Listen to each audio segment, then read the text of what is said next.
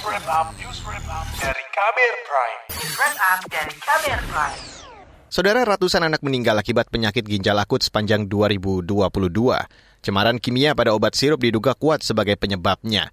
Merebaknya kasus ini membuat Badan Pengawas Obat dan Makanan atau BPOM menuai beragam kritikan atas kinerja mereka.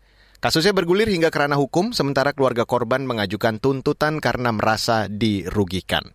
Selengkapnya saya ajak Anda untuk langsung mendengarkan laporan khas KBR yang disusun reporter KBR Heru Hetami. Gangguan ginjal akut atipikal progresif GGAPA atau gagal ginjal akut menjadi sorotan menjelang penghujung 2022. Sebab kasusnya melonjak hingga 35 pasien pada Agustus dan menjadi 71 kasus pada September. Penyakit ini menyebar ke 28 provinsi. Jakarta salah satunya. Tercatat ada 324 pasien didominasi anak berusia di bawah 5 tahun terkena ginjal akut. Dari jumlah itu, 199 meninggal dan 111 sembuh. Saat itu, Ikatan Dokter Anak Indonesia IDAI belum dapat menemukan penyebab 131 anak yang terkena penyakit ginjal akut. Sekretaris Unit Kerja Koordinasi UKK Nefrologi IDAI, Eka Laksmi Hidayati menjelaskan, gejala yang dialami awalnya adalah infeksi batuk, pilek atau diare dan muntah. Kemudian dalam hitungan 3 sampai 5 hari mendadak tidak ada urin. Meskipun sebetulnya investigasi kami itu jauh lebih lengkap dari misalnya yang diberitakan di Gambia ya Gambia itu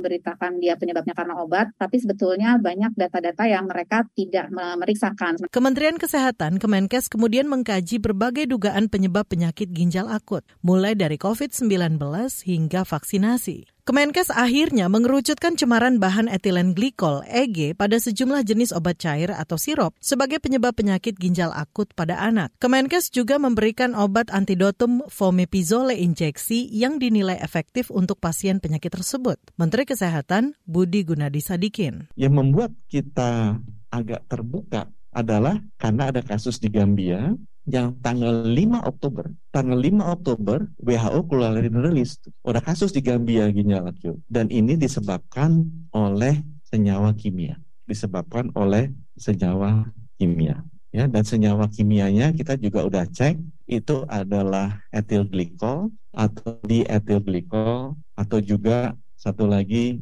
etil glikol butyl ether. Itu ditemukan. Atas kecurigaan itu, Kemenkes menyetop penjualan obat sirup untuk sementara. Langkah ini dilakukan untuk mencegah semakin banyak anak terkena penyakit ginjal akut. Kasus ini juga diselidiki Ombudsman. Berdasarkan laporan akhir hasil pemeriksaan, ada dugaan maladministrasi terkait kasus penyakit ginjal akut pada anak. Anggota Ombudsman RI, Robert Naendi Jaweng menilai, Badan POM tidak mengawasi proses peredaran obat sirup sirup yang mengandung etilen glikol EG dan dietilen glikol DEG. Pada Badan POM ini kita melihat sejak produksi hingga distribusi pre-market maupun post-market ini masih ada hal-hal yang memang tidak tertangani secara baik yang ini terkait dengan sisi inkompetensi dan eh, berbagai masalah yang ada yang membuat kemudian masalah itu tidak tertangani secara optimal. Kepala Badan POM, Penny Lukito mengklaim lembaganya sudah menjelaskan dengan rinci dan transparan terkait pelaksanaan tugas sesuai ketentuan serta upaya perbaikan kepada tim tersebut. Selain itu, dalam perkara ini, Badan POM juga memidanakan PT Yarindo Farmata Pertama Serang, Banten, dan PT Universal Pharmaceutical Industries Medan, Sumatera Utara. Dua perusahaan ini diduga memproduksi obat sirup yang tercemar etilen glikol dan dietilen glikol di atas ambang batas. Mereka disangka melanggar undang-undang tentang kesehatan dengan ancaman 10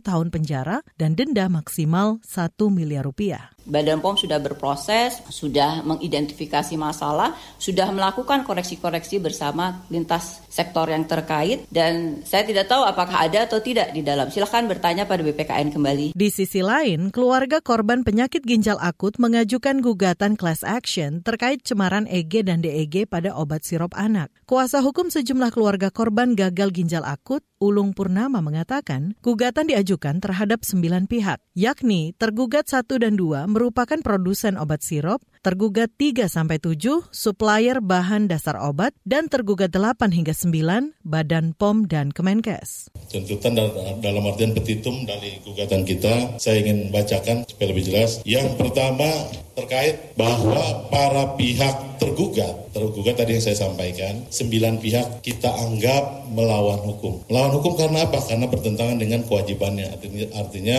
melanggar aturan-aturan yang harusnya mereka laksanakan, tetapi kemudian mereka tidak melaksanakan dengan baik atau menyimpangi aturan tersebut. Keluarga korban menuntut para tergugat 1 sampai 7 disita aset dan hartanya. Khusus pihak Badan POM diminta memperbaiki cara pembuatan obat yang baik CPOB dalam proses pembuatan obat. Keluarga korban turut meminta ganti rugi material terhadap para pihak tergugat. Laporan ini disusun Heru Haitami. Saya Aika Renata.